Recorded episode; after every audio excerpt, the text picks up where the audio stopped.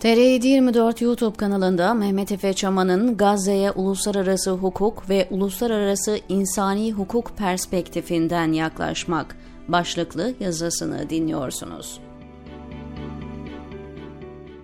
Tüm kritik meseleler gibi Hamas ve İsrail savaşına dair de ne yazılırsa ve ne söylenirse söylensin, din ve ideolojinin ürettiği düşünce kalıplarıyla çelişiyorsa linç kaçınılmazdır. Daha önce de söylemiştim. Türkiye kökenli gazeteciler, yazarlar ve akademisyenler genellikle bu tür mayınlı alanlardan kaçınırlar. Çünkü başlarına geleceği bilirler. Çoğu, mevcut konumlarını tehlikeye atmamak için susmayı ve akıntının yönünde kürek çekmeyi tercih eder. Otosansür uygular. Günlerdir yazıyorum. Bu tür konulara analitik ve eleştirel yaklaşmakla ideolojik ve propagandist yaklaşmak arasında gece ile gündüz gibi fark vardır. Dikkat edin, akademik ve analitik yazanlara yine akademik ve analitik yanıt vermiyorlar. İdeolojik ve propaganda tutum yanıt veriyorlar. Dolayısıyla hiçbir konunun içeriğini konuşturmuyorlar. Düşünceyi bloklamanın en kolay yolu budur karşınızdakinin kredibilitesinin altını oymak, onun kişiliğine saldırmak, onun birilerinin ajanı olduğunu iddia etmek, onun para veya başka menfaatleri gözeterek yazdıklarını yayınladığını öne sürmek. Tüm bu otosansür baskılarına karşın özgür ve eleştirel düşünce yöntemlerini kullanarak analitik bakışı korumak gerekir. Bu yazıda Hamas-İsrail çatışmasında uluslararası hukuk ve uluslararası insani hukuk perspektiflerinden duygusal olmayan nesnel bazı akademik ama anlaşılır çözümlemelerde, analizlerde bulunacağım. Öncelikle saptanması gereken uluslararası hukuk ve uluslararası insani hukuk kavramlarının ne olduğudur. Konuyu gereksiz detaylardan kaçınarak herkesin anlayabileceği biçimde özetlemeye çalışacağım. Kavramları bu şekilde netleştirdikten sonra Hamas-İsrail çatışmasını uluslararası hukuk ve uluslararası insani hukuk perspektiflerinden ele alacağım. Uluslararası hukukta kendini savunma hakkı meşru müdafaa hakkı, devletlere silahlı saldırıya karşı kendilerini koruma hakkı tanıyan temel bir kavramdır. Bu hak Birleşmiş Milletler Şartı'nın 51. maddesinde de yer belirtilmektedir. Meşru olarak kendini savunma hakkını kullanabilmek için bir devlet kendisinin silahlı saldırıya maruz kaldığını kanıtlamalıdır. Diğer bir ifadeyle kanıt yükü güç kullanımını kendini savunma amacıyla haklı çıkarmaya çalışan devlete aittir. Kendini savunma hakkı ile ilgili temel unsurlar ve prensipler, güç kullanımının gerekliliği ve orantılılığı, tehdidin aciliyeti, saldırının bir devlete veya devlet dışı bir aktöre atfedilebilirliği ve Güvenlik Konseyi'ne derhal bildirim yapma gerekliliğini içerir. Uluslararası hukukun savaşa ve çatışmalara ilişkin sorunlarını yorumlayan ve kurallandıran alanı uluslararası insani hukuktur. Uluslararası insani hukuk, insani sebeplerle silahlı çatışmanın etkilerini kısıtlamaya yönelik bir dizi kural seti olarak anlaşılabilir. Bu hukuk çatışmalara katılmayan bireyleri korur ve savaşın araçlarıyla yöntemlerini sınırlar. Aynı zamanda savaş hukuku veya silahlı çatışma hukuku olarak da bilinen uluslararası insani hukuk, devletler arasındaki ilişkileri düzenleyen uluslararası hukukun bir bölümüdür. Uluslararası hukuk, devletler arasındaki anlaşmalarda, antlaşmalarda veya konvansiyonlarda, devletlerin yasal olarak bağlayıcı gördüğü alışılmış kurallarda ve genel perspektiflerde bulunur. Uluslararası insani hukuk, silahlı çatışmalara uygulanır ve bir devletin gerçekten güç kullanıp kullanamayacağını düzenlemez. Bu konu Birleşmiş Milletler şartında belirtilen ancak önemli ölçüde farklı olan uluslararası hukukun ayrı bir bölümü tarafından düzenlenir. Silahlı çatışmalar sırasında insani yardımın hızlı ve engelsiz geçişinin sağlanması, ihtiyaç sahiplerine zamanında yardım sunabilmek adına hayati önem taşımaktadır. Aynı zamanda çatışma bölgelerindeki insani çalışanların serbest dolaşım hakkı, yardımın etkili bir şekilde ulaştırılmasını kolaylaştırmada önemli bir rol oynamaktadır. Sivillerin korunması ve tıbbi personelin güvence altına alınması da çatışmanın etkilerini savaşa katılmayanlara karşı en aza indirmek için son derece önemlidir. Ek olarak mültecilerin, esirlerin ve aynı zamanda yaralı ve hasta kişilerin korunması da kritik bir ihtiyaçtır. Bu onların güvenliğini ve refahını genellikle zorlu ve tehlikeli durumlarda sağlamak adına gerçekleşir.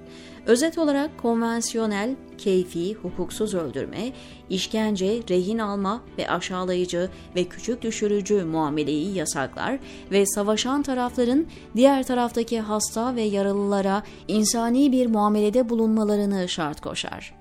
Bu prensipler uluslararası insani çabaların temelini oluşturarak çatışma zamanlarında esnasında sivillerin maruz kaldığı şiddeti ve acıları hafifletmeye ve insanlık onurunu korumaya yöneliktir uluslararası insani hukukun yazılı kuralları olan ve 1899, 1907, 1954, 1957, 1970 ve 1973 yıllarında Lahey'de imzalanan çeşitli deklarasyonlar ve konvansiyonlar çatışmanın yürütülmesini düzenleyen kuralları belirler.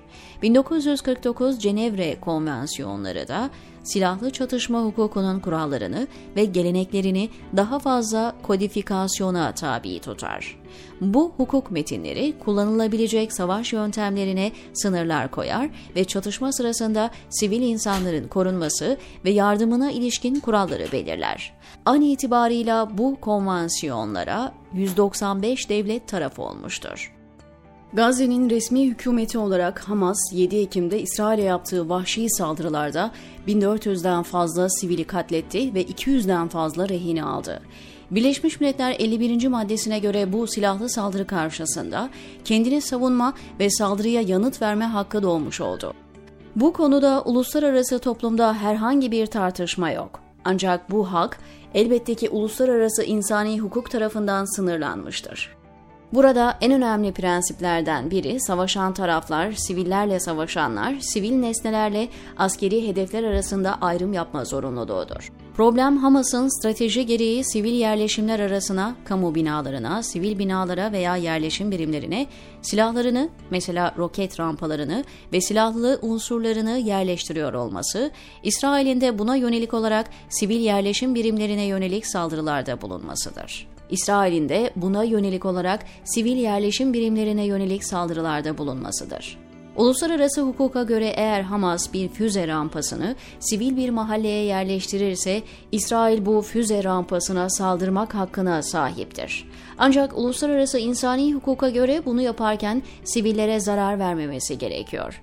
Gazze dünyanın en yoğun nüfuslu ve yapılaşmış alanlarından biri. Bu bölgede uluslararası insani hukuka göre sivil ve askeri hedefleri ayırt etmek neredeyse imkansız. Dahası Hamas bunu kendisi için bir askeri avantaj olarak kullanma taktiği izliyor. Okullara, camilere, hastanelere saklanıyor ve kamusal yerlere komuta merkezlerini ve roket rampalarını yerleştiriyor ve bu durumda sivillerin bulunduğu yerler askeri hedefler haline geliyor. Dahası Hamas mevzilendiği sivil bölgeden İsrail'e yoğun füze saldırıları yapıyor. Bu bağlamda hem İsrail hem de Gazze resmi yönetimi olarak Hamas uluslararası insani hukuku ihlal etmiş oluyor. İsrail ise sürekli sivillerin yaşadığı bu bölgeleri hava bombardımanına tabi tutuyor. Uluslararası insani hukuka göre bir devletin veya savaşan aktörün sivilleri hedef almadan yürüttüğü askeri operasyonlarda meydana gelen sivil kayıplar teknik olarak uluslararası insani hukuk ihlali olarak görülmeyebiliyor. Bunun nedeni sivil kayıpların yaşandığı yerlerdeki askeri mevcudiyet ve hareketlilik. Belirttiğim gibi bu tam da Hamas'ın izlediği strateji. İsrail yönetimi ise geçici de olsa ateşkes ilan etmeyerek Hamas'ın belirlediği oyun alanında hareket etmeyi seçiyor. İsrail saldırıları bu nedenle fiili olarak sivillerin kitlesel ölümlerine yol açıyor. Hamas da İsrail'de karşılıklı saldırıları durdurmadan insani dramın sona ermesi mümkün görünmüyor. Diğer bir eleştiri konusu İsrail'in Gazze'deki abluka uygulaması. İsrail Gazze'nin elektrik, su, gıda ve yakıt tedariğine tamamen engel oluyor. Bu durum, sivil halkı hedef alan kolektif bir cezalandırmadır ve stratejik gerekçeleri ne olursa olsun uluslararası insani hukuka aykırı. Diğer bir ifadeyle toplu abluka, gıda malzemeleri, içme suyu, yakıt, tıbbi ürünler uluslararası insani hukuka uyumlu değil. Gazze'lilerin hepsi Hamas üyesi değil. Fakat sivil halk İsrail ablukasından eşit derecede etkileniyor. Bu uygulamaya uluslararası toplumun karşı çıkması gerekiyor. Özetlemek gerekirse, her iki aktör de sivillerin hedef alınması konusunu birincil derecede önemsemiyor gibi görünüyor. Siviller hiçbir zaman rehin ve hedef alınmamalı. Eğer alınırlarsa bu durum savaş suçudur. Hamas'ın savaşı tetikleyen saldırısında tamamen sivilleri hedef alması, insanları evlerinde bir açık hava konserinde ve sokaklarda veya otobüs duraklarında infaz etmesi ya da Gazze'den sürekli roket atışı yaparak İsrail'deki sivil yerleşim birimlerini hedef alması uluslararası insani hukuka aykırıdır. Aynı şekilde İsrail ordusunun Gazze'de sivil yerleşim birimlerini bombalayarak binlerce sivili katletmesi de, Gazze'nin elektrik ve suyunu kesmesi de uluslararası insani hukuka aykırıdır. İsrail'in bir devlet olarak Hamas'tan daha etik davranması gerektiği tezi etik olarak doğruluk payı içerse bile teknik olarak Hamas'ın Gazze'nin resmi hükümeti olması nedeniyle geçerli değildir. İsrail'in Hamas'ın saldırısı sonrası Gazze'de izlediği hava bombardımanı, savaş stratejisi, sivil kayıplar bakımından savunulamaz. Yine İsrail'in kolektif cezalandırma yöntemi olarak elektrik ve suyu kesmesi de etik ve uluslararası insani hukuk bakımından savunulamaz. Fakat reel politik bakımından savaşın doğasının kitlesel öldürme eylemi olduğu unutulmamalıdır. Savaş ortamında savaşan aktörler karşılıklı olarak hukuk, etik ve insani normları ihlal ederler. Hukuk, etik ve insani değerler bu ihlalleri sınırlamaya çalışır. Tümüyle engelleyemez.